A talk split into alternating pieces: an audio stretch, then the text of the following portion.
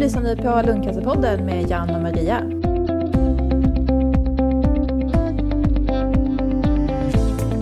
Välkomna till nytt eh, avsnitt av Lungcancerpodden. Hej Maria! Hej Jan! Idag så är det bara du och jag här. Förra gången mm. så uh, var ju vi lite av praktikanter till Fredrik och Martin. Mm. Idag så tänkte vi ta tillfället i akt att presentera oss själva lite grann.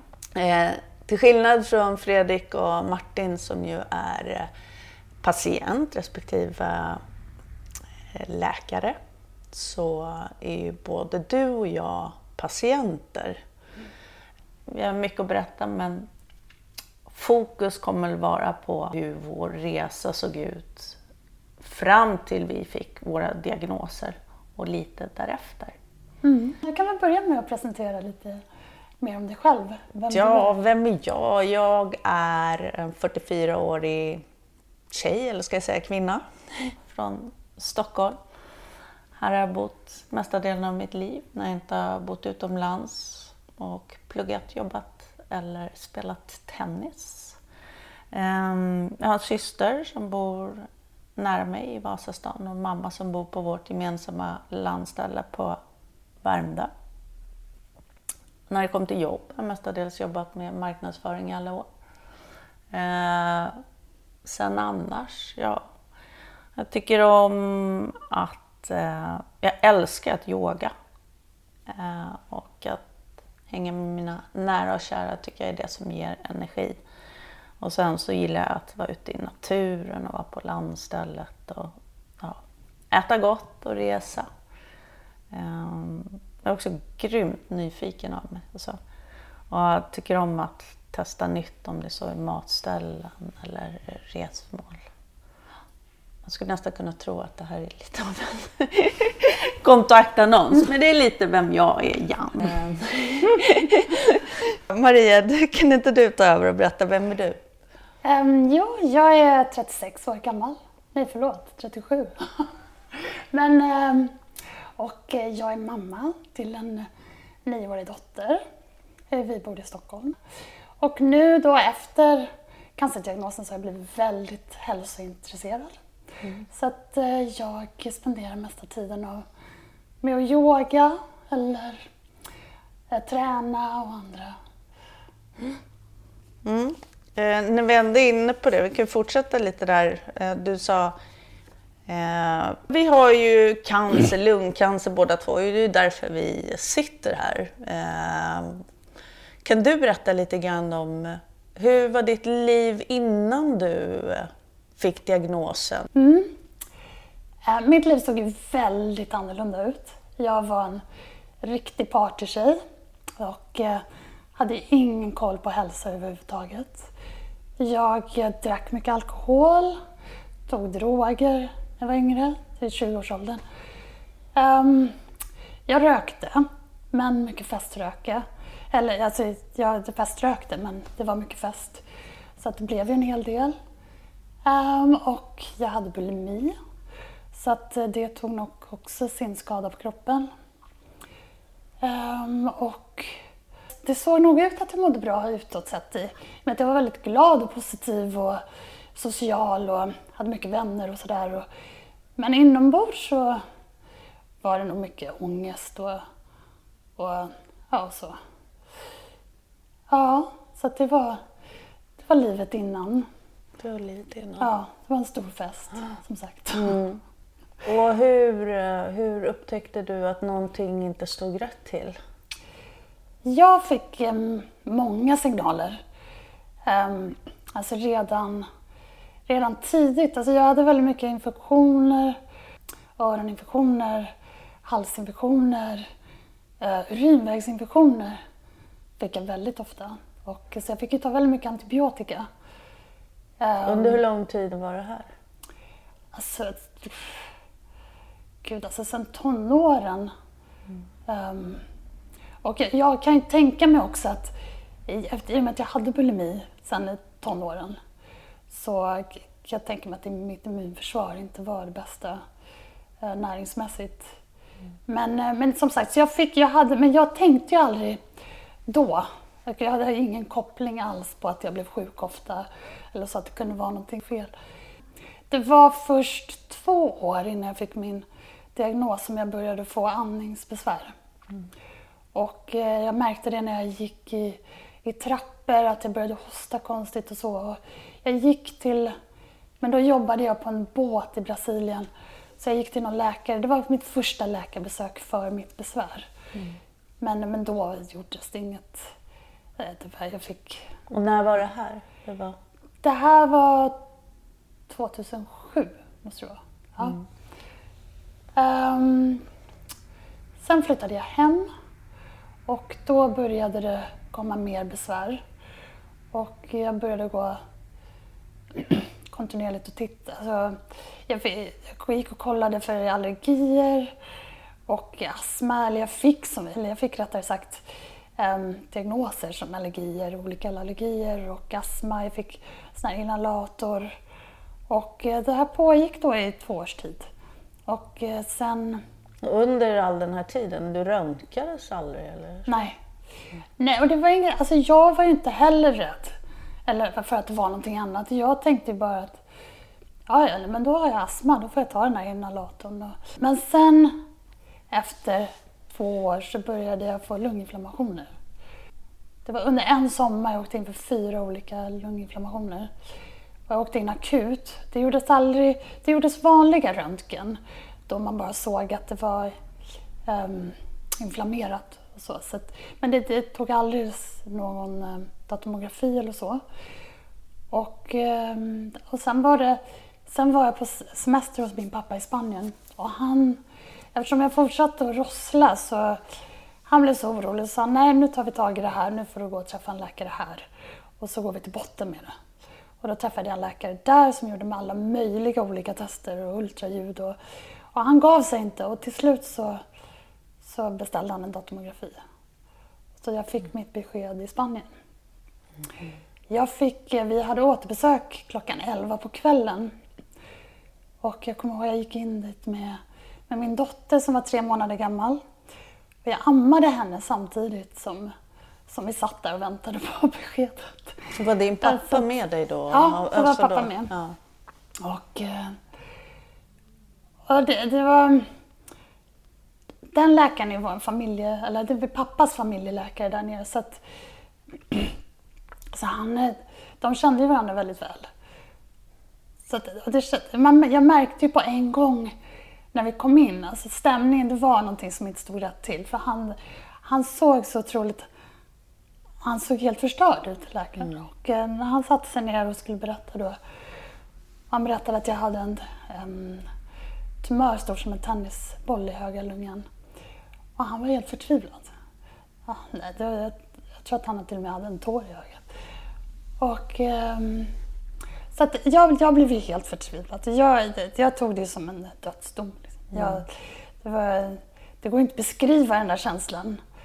Men det var alltså din familjs familjeläkare? Så det var inte en onkolog eller så som gav dig Nej, beskedet? Och, alltså det som hände var att han visade då en röntgen och visade då hur stor den var. Och sen sa han väldigt ärligt att jag, jag vet faktiskt inte vad det finns för behandlingar men det här ser inte bra ut. Så att sen nästa dag så flög jag hem till Karolinska och fick, eh, fick en akut tid där och träffade en läkare. Och, och allting gick väldigt snabbt och då fick jag ju reda på att, ja, att det var um, lungcancer. Och eh, vi har sattes in i behandling väldigt fort med cellgifter och strålning. Den gick inte att operera. Så att just då så var det de det enda alternativet som fanns var cellgifter och strålning. Mm. Men det var en lokal, den hade inte spritt sig på Nej. något sätt eller så? Ja.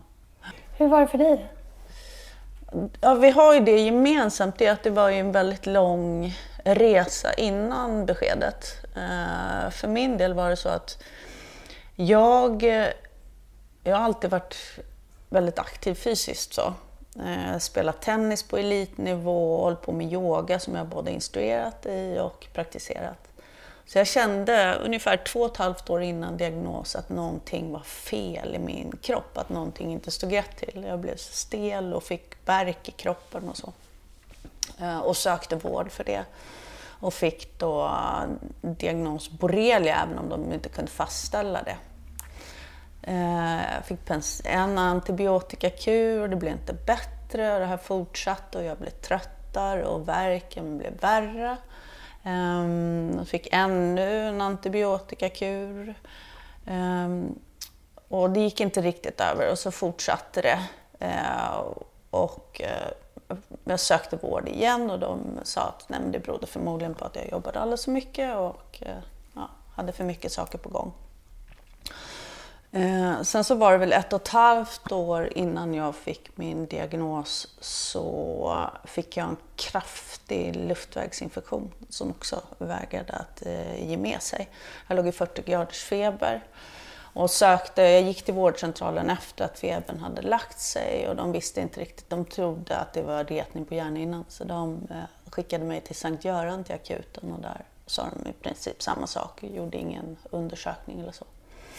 Och sen så tiden som följde efter det så blev jag bara sämre. Jag åkte också på den ena konstiga infektionen efter den andra. Um, och jag hade så ont i ryggen. Uh, det högg när jag böjde mig framåt och jag fick ont i en höft och haltade. Och så sa de att det berodde på förslitningsskador på grund av tennisen och eh, eh yogan. Eh, och sen fick jag en konstig infektion i munnen som aldrig la sig. Då var jag till och med på Karolinska på en cancerenhet. Men då så eh, sa de att vi behöver inte ta några prover för att infektionen började eh, lägga sig. Men mitt liv blev allt mer begränsat och sen så till slut så orkade jag bara sova, äta och jobba. Eh, jag jobbade ju mycket och eh, när läkarna sa att liksom, det beror på utmattning och depression och de ville skriva ut antidepressivt så sa jag, kände jag och sa att det är inte någonting, det är någonting fysiskt. Så.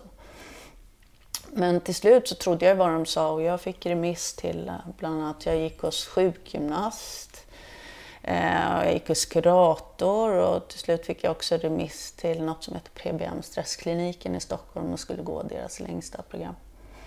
Eh, och under de här två, två åren, eller mer än två års tid, men jag har fått ut mina journal på två år, var jag i kontakt med vården 33 gånger. Så.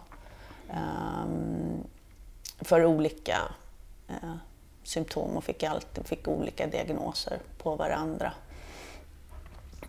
Uh, men till Frågade slut... du någonsin om röntgen? Ja, det gjorde jag, men jag frågade främst om röntgen för uh, för min höft och för ryggen.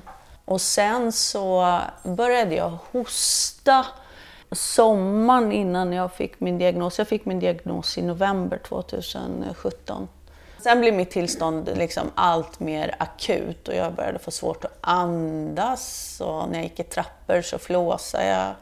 Och jag eh, fick jätteont i ryggen och det högg bakom vänster skuldra och då började jag hosta och det kom till och med blod.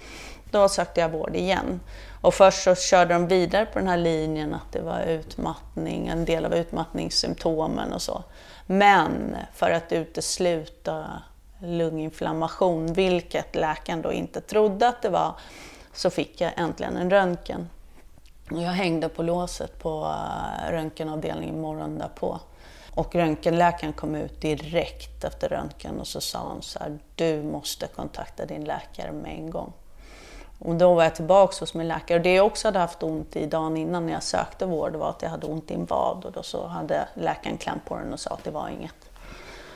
Så jag kom tillbaka till läkaren, han visste inte riktigt vad han skulle råda så han sa så här, jag tror att Karolinska är bäst på lungor, kan du gå ut och vänta i väntrummet så ringer de.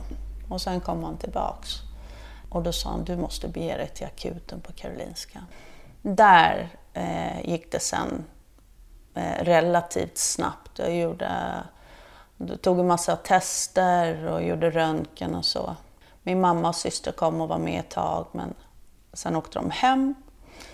Och så mitt i natten så kom en, sjuk, äh, inte, kom en läkare och sa till mig att du, du, hade, du har en propp i benet, du har massor proppar i lungorna. Du har vätska i ena lungan och du har spridd cancer. Det var ju en ridå. Jag ville ju inte tro att det var sant. Eh, jag har ju aldrig rökt. Jag är inte ens liksom, jag är inte busrökt när jag var yngre och jag har eh, inte feströkt när jag varit äldre heller. Eh, och jag tänkte ju att lungcancer det är lika med liksom, ridåslutet. Så det var ju som att kastas ner i ett svart hål. Ja. Så det var, det var min resa fram till, till, till beskedet. Mm. Mm.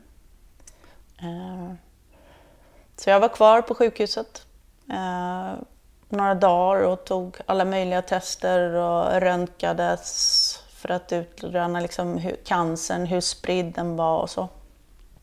Så jag röntgade huvud och skelett och eh, gjorde koloskopi och mammografi och de gjorde även en leverbiopsi. Och så att den exakta diagnosen dröjde en tre veckor eh, innan jag fick den. Och då låg jag faktiskt inne igen på lungavdelningen. Eh, och den gången låg jag inne för att jag hade fått en fraktur på revben där jag har metastaser. Och då kom ett helt läkarteam eh, och då meddelade de mig att jag har lungcancer i fjärde stadiet och att den var spridd till eh, mm, huvudtumören sitter i, eh, i lungan nära aortan. Men sen också att den var spridd i lungan eh, med en andra tumör och sen spridd till lever, lymfkörtlar och skelett. Eh, och just där, där jag har förändring, där jag hade haft ont, eh, hade jag också förändringar då. Eh, I ryggraden och i höften. Och jag fick dessutom veta då att jag har en så kallad EGFR-mutation. Eh, så att jag kan, kunde påbörja en målriktad behandling med en gång. Och sen så tar jag även eh, blodförtunnande sprutor varje dag, en gång i månaden. Också en injektion för att stärka skelettet. Så du har inte tagit cellgifter eller strålning? Nej, utan i, i och med att de ville vänta ut provsvaren så, för att just se om jag hade en specifik mutation. Och det var också min fråga med en gång. Var ju så här, två frågor var det. Det var också så här, hur länge, ska jag, hur länge har jag kvar eh, att leva? och sen om jag kunde få vara med i någon studie. Och då sa de det att, eh, att en studie inte var aktuellt för mig i dagsläget utan, eh, utan att det då var målriktad behandling. Och sen att tiden jag har kvar, att det gick inte att säga men att det kommer jag ihåg väl att snitttiden att, mm. som som eh, patienter svarar på den målriktade behandlingen, just den medicinen var ett år. Och mitt i allt så upplevde jag liksom hopp. För jag hade hela tiden känt som om jag skulle dö imorgon. Så att eh, i mörkret så såg jag ljuset. Ja. Mm. Hur var det för dig, Maria, när jag tänker på det? Du frågade mig om cellgiftsbehandling. Vad, vad, hur såg din ut? Du sa att du tidigare att du strålades och cellgifter. Och... Ja, jag, jag la i mitt liv i läkarnas händer. Hade helt full tillit till, um, till vad de rekommenderade. Så det, var, det var cellgifter och strålning som, um, som skedde ganska omgående som sagt. Och eh, det var en väldigt jobbig period för att det, ehm, de strålade över min um, matstrupe. Så att min matstrupe var som ett, ett, stort öppet sår så jag fick väldigt höga morfindoser och jag tror att det har nog varit tuffaste prövningen i hela den här resan var min morfinresa. Mm. Och det var, alltså det var just det här att trappa ner morfinet som blev, som blev det jobbigaste jag varit mm. med om. Och, ehm, och det, det pågick i tre månader. Jag, jag hade ingen, det var också, jag hade ingen kunskap om det. Jag visste inte ens att det var en opiatdrog jag tog. Det, det, det började med att jag fick, jag fick plåster, höga doser på plåster Och sen fick jag piller som jag skulle ta vid behov och jag knaprade på de där pillerna som om det var godis. Och, och sen eh, efter några månader, två, tre månader, så gick jag in i en depression. Det bara, det bara sa pang. Så jag, ehm, jag kommer ihåg, jag låg i sängen och jag ville inte svara i telefonen. Allting var bara ångest. Och det ringde, och jag fick bara panik. Och jag ville inte gå ut, jag fick panik av att sitta i bilen. Och, och, ehm, så då åkte vi in till sjukhuset. Jag fick träffa en psykiatriker och, ehm, och då, hon försökte sig på hela tiden med att ja, fast du, du går igenom en svår nu. Du har fått ett, en svår diagnos och det, det, det är vanligt att vara deprimerad. Och, och jag kom på där att, liksom att nej, det här känns inte rätt. Och då tog jag upp med henne att det här känns lite som när jag tagit droger när jag var yngre och dagen efter. Mm. Och då förklarade de för mig, ja det här är ju en opiatdrog och det, det blir så när vi börjar trappa ner. Så att, ja, jag fick ingen information tidigare och jag visste mm. inte, hade inte som sagt den kunskapen. Men, men så fort jag fick höra det så, så tänkte jag, nej men då, då ska jag bara rida ut det här och ta mig igenom det. Och det som sagt, det pågick i tre månader och jag höll på och dra med håret och ville ta självmord och skrek om nätterna. Och, mm. Det var så hemskt. Och det var, min dotter som sagt, hon var ju tre månader när, um, när jag fick min diagnos. Och, och min mamma um, var även sjuk i bukspottkörtelcancer. Hon hade haft det i fem år. Så jag hade ju sett hela hennes resa och hon var ganska, även ganska sjuk när jag fick min diagnos. Men eh, när jag, efter min diagnos så insjuknade hon ju väldigt snabbt. Mm. Och eh, efter tre månader så, så dog hon. Så det här var en väldigt svår tid mm. för mig. Och, eh, och just att um, gå igenom också den här abstinensen med min dotter som var så pass ung. Och eh, det var väldigt prövande också för det var ett eh, gånger då jag ville bara slänga henne i väggen och hon grät. Just i, i de värsta tiderna. Och, så att... Uh, mm. Ja. Nej. Ja. Så. så att det var mycket egentligen, det var abstinensen som gjorde att du mådde dåligt mer än, än behandlingarna? Ja. Och... Och det är, när jag tittar tillbaka så är ju, alltså den tiden är det värsta. Alltså det är helt klart det, det värsta jag varit med om under hela mm. den här. Mm. Det är värre än mm. cellgifterna, värre än strålningen. Mm. Alltså allt. Mm. mm. Den var en otroligt prövande tid. Mm. Och vad hände sen? Sen så halverades tumören med strålningen. Och jag hade ett år då jag levde på som vanligt. Jag utbildade mig till makeupartist och ehm, um, jag, jag, kände som att ja, men nu är jag frisk. Liksom. Den har stannat i tillväxt och så. Jag började jobba och, och så. Sen så ett år senare så, så fick vi beskedet att det hade spridit sig. Och den har börjat växa i lungan och det har även tillkommit flera i lungan och skelettet. Men då var jag, eftersom jag hade haft den här otroligt jobbiga tiden första omgången och jag hade hört lite om alternativa behandlingar och så. Så fick jag bara en impulskänsla där på att jag, eh, jag skulle prova alternativa vägar. Och, eh, så att jag bad min läkare att om jag kunde få ett år få pröva, pröva mig fram, min väg. Mm.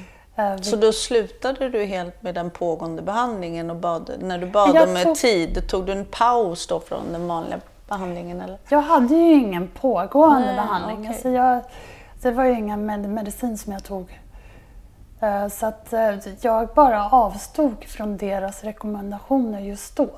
Mm. Um, vi hade ju även fått veta om en ny medicin som genom, genom släktingar till mig som jobbar i Paris uh, inom lung um, lungprofessor någonstans på något sjukhus och, ehm, och då hade vi fått veta om den här nya medicinen som bara fanns som studie. Mm. Och eh, jag pratade med läkarna här och den fanns inte i Sverige och eh, det var inte aktuellt. Och om jag ville göra det så skulle jag behöva åka utomlands och så. Det var också så att den, den var på studie och då eh, visste man inte om man skulle hamna med de som tog cellgifter innan. Eller, för att det, det var två olika grupper. En som tog cellgifter och en som inte tog. Och jag var så fast besluten på att jag inte ville ta någonting. Alltså några cellgifter. Så så, att, så att jag beslutade mig då för att jag ville pröva min egen väg först. Eh, vilket läkarna inte var så positivt inställda till. Men, men, eh, men jag valde att göra så ändå. Och, och då började det med, jag gick hem och eh, började googla. Och det första som kom upp var en grön smoothie retreat med Victoria Butenko som är drottningen av green smoothies. Det är hon som har startat hela green smoothie-trenden. Och hon skulle vara i Småland på Mundekulla eh, veckan därpå. Så jag tog det här lite som ett bara, som en, eh, vad säger man? Tecken. Ett, tecken Ja. på att men det här, det, ehm, det här måste vi ju prova. Så att jag bokade in mig på det och så åkte jag dit. Och eh, det var ju verkligen ett mecka för alternativ hälsa. Man skulle dricka de här gröna smoothiesarna och så tränade vi och sen så hade vi terapi med någonting som heter The Work. Och sen så på eftermiddagarna så föreläste hon fyra timmar varje dag om allt. Alltså med näring och mat och alltså kemikalier, alltså allt du kan tänka dig. Så att det blev verkligen en super awakening för mig om man ska säga så. Och, eh, och sen efter den så var det lite bara som att jag, jag följde det som kom. Så att sen åkte jag iväg, eh, jag, jag fick höra om en klinik som fanns i Mexiko, The Gerson Therapy. Som var även där, det är mycket juicer och det är mycket fokus på maten. Men de hade även någonting som heter Colis vaccin. Som det är en spruta som du tar som har en ehm, typ av bakterie som gör att du framkallar feber. Som då ska hjälpa immunförsvaret. Eh, så att jag låg där i en månad och fick de här feber, febertopparna och åt den här maten. Sen efter det så åkte jag hem och då började det spåra ur lite för då tog jag det allt för mycket i mina egna händer. Jag hade ingen som coachade mig eller så. så att, och jag, bör, jag blev lite besatt i att rensa tarmen. För att jag hade hört så mycket om det här med tarmen och det var så viktigt, tarmen. Så att jag blev helt besatt i att den, jag skulle fasta och jag skulle bara jag skulle bara bli av med så mycket som möjligt från tarmen. Så jag började göra sådär hysteriska, jag gjorde någon hawaiiansk eh, tarmrensning som där du ska dricka fyra liter salt, saltvatten på morgonen och bara dricka juicer. Och den skulle du göra i typ 7-10 dagar. Men jag körde på där i, i en och en halv månad. Oj. Och, ja, jag, och som sagt, jag hade ju ingen vägledning om någon så jag, ja, så jag, jag insjuknade där efter, vad kan det vara, 7-8 månader. Och, eh, och Vad då- menar du att du insjuknade? Du... Nej, alltså jag blev så svag och så och sen åkte jag in och då så att jag var fortfarande sjuk. Alltså jag hade ju fortfarande tumörerna kvar. Och under den här tiden då hade du inte haft någon uppföljning eller återbesök eller så utan det här Nej. var... Mm. Så blev, jag blev lite besatt i det här att jag hade bestämt mig att jag skulle hitta jag skulle minsann visa dem. Och, så, så jag hade ingen kontakt med dem alls. Men eh, ja, Och vad hände Nej. då när du kom tillbaks? Ja, då var jag ju väldigt dålig. Och jag hade väldigt svårt att andas och, och så. Då hade... För att vi, vi kämpade ju även för att få in den här medicinen medans under, den här, under det här året. Ehm, så höll vi på. ehm, så det var väl den enda, men det var inte kontakt riktigt om min, ehm, om Och när du säger tillstånd. vi, vilka är vi? Ja, det var jag och min familj. Min pappa, Ja. alltså min pappa har ju varit väldigt på och eh, som jag är väldigt tacksam för idag. Mm. För det har, har nog hjälpt väldigt mycket. Eh, och eh, så att man kan väl nog säga att vi var nog de som drev på att den medicinen kom Mm. till Sverige. Och då i alla fall, då hade de precis lyckats få in den. Det var bara några pappers ehm, arbeten som saknades. Så, så Jag hade en vecka på mig där tror jag och vänta på den här medicinen men jag var väldigt dålig. Och då insisterade de på att jag skulle ta cellgifter. Ehm, och jag var ju väldigt emot det här. Men eh, jag fick en jätteinfektion så att jag var ju väldigt nära att ryka med där. Och jag tror att det var till slut när min pappa verkligen, verkligen bad mig att göra det för han var så rädd. Så gjorde jag det.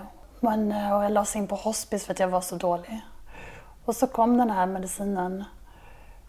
Och det var så sjukt för att jag, jag var ju så, så svag. Och det tog verkligen, det tog två dagar tror jag och jag var ute och promenerade. Så att det gick verkligen från ja, natt till dag. Mm. Så att det var otroligt häftigt. Alltså just den... Den vändningen. Just det här med att, att, att ha folk, eller folk, att ha någon i ens omgivning som också finns där och gör jobbet med att leta information.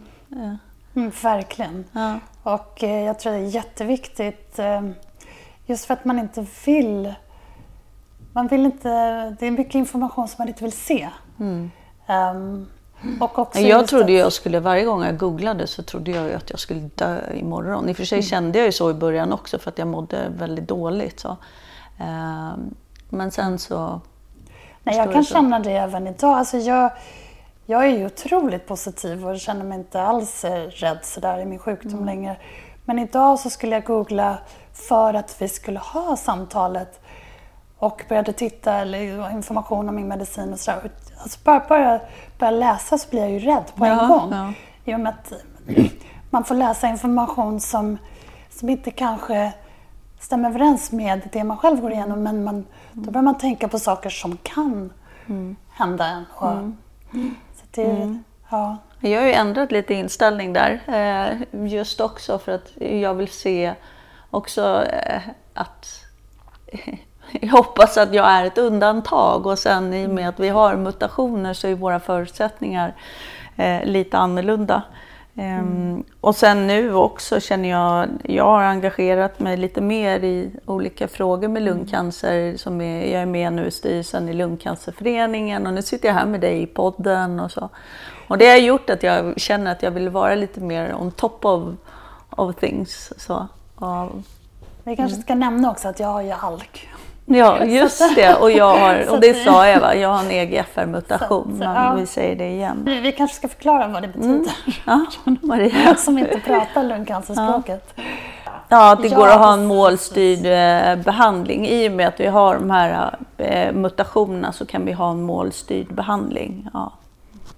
Maria, jag kan, ju, jag kan känna igen mig i, i din resa. Det har vi ju gemensamt, att resan fram till diagnos var ju lång.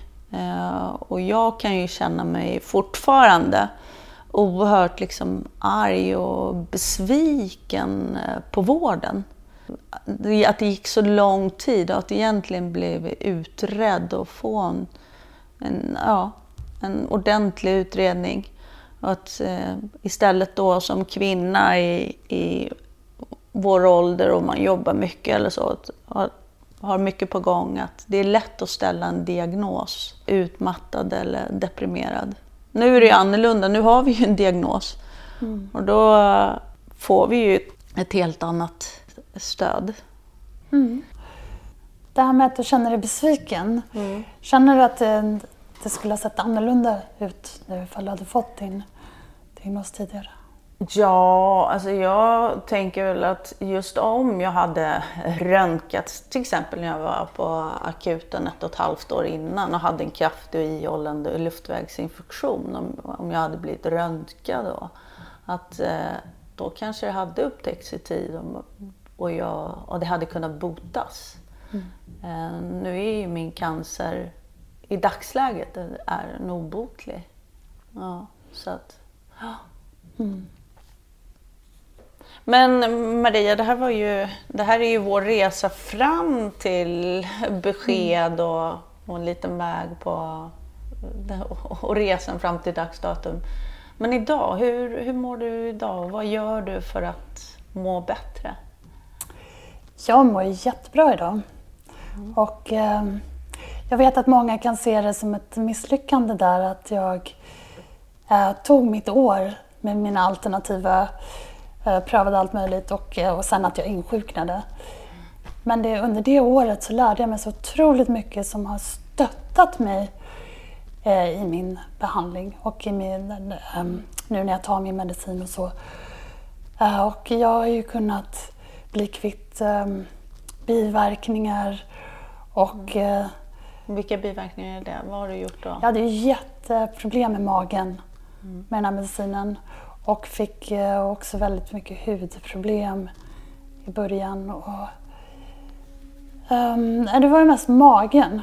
Mm. Så att, um, så att jag, jag lever ju väldigt mycket på smoothies och juicer och annan mat. Men, men just juicerna och det är mycket, mycket vätska um, är ju uh, det som hjälper mig otroligt mycket. Mm.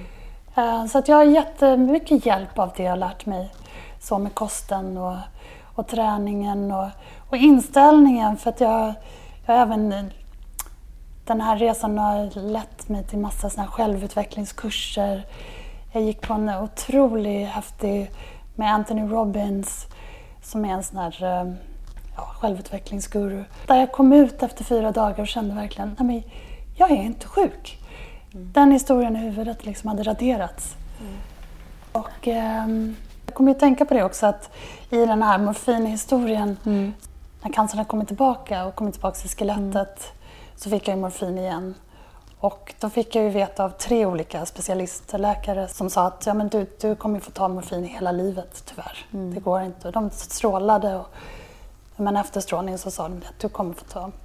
Jag, eftersom jag hade haft den här hemska upplevelsen så blev jag så fast besluten med att jag, nej, jag tänker inte ta morfin. Mm. Jag vägrar ta det hela livet. Mm. Och, um, och det var där jag kom i kontakt med bikramyogan. Mm. Jag hittade bikramyoga och jag gick ju dit på morfin.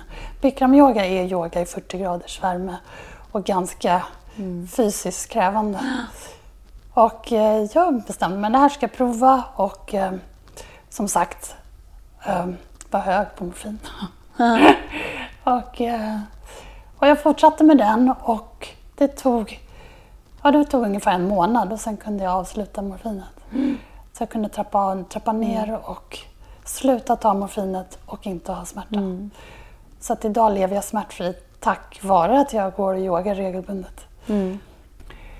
Så att, ja, det är tack vare mycket av det här som jag lärt mig under den här tiden så lever jag ju otroligt bra idag. Mm. Så jag är ju jag är ju tacksam för det som har hänt mig. För att jag känner att jag behövde de här prövningarna för att ta tag i vissa saker i mitt liv.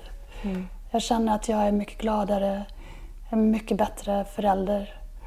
Jag har mycket finare relationer nu med vänner och, och partner. Och, ja, så att eh, jag är väldigt lycklig. Mm.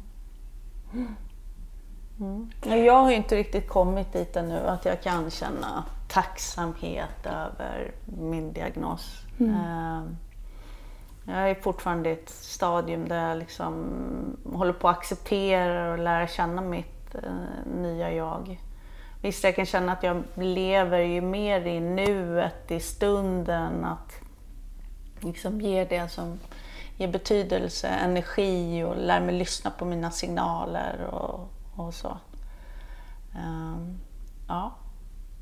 Men jag känner just att också att mitt engagemang här och i Lungcancerföreningen, att det, också att jag känner att jag vill ju göra saker som också ger mening. Som, så. Ja, alltså vi har ju så otroligt mycket mer att berätta egentligen som vi ja, inte hinner med precis. i ett ja, avsnitt. Men, ja. men vi, vi kommer ju flera tillfällen. Liksom. Ja, precis. Idag har vi ju främst fokuserat på vår resa fram till beskedet och sen lite grann vad som har hänt efteråt. Så. Och det finns ju så otroligt mycket, både från vårt eget perspektiv att berätta, men även andras erfarenheter. Så när det kommer till allt ifrån att be om ny medicinsk bedömning, second opinion, till eh, ja, fysisk träning. Och där har vi nästa veckas gäst som faktiskt kommer att berätta lite mer om sin resa där träning utgjorde en stor del. Och det är, det är ju Pamela, Pamela Anderson. Inte hon i Hollywood utan eh, i, i Sverige som är chefredaktör på, på Topphälsa. Ja, det kommer ju bli superinspirerande. Jag har precis läst eh, hennes bok nu på semestern och eh, ja, det kommer bli jättehäftigt att få träffa henne. Mm. Det ser vi fram emot och eh, ja, tills dess alla lyssnare, glad sommar och på snart återhörande. Ja. Tack för att du lyssnade på Lundcancerpodden med Jan och Maria. De senaste avsnitten hittar du alltid på lundcancerpodden.se eller i din podcastapp.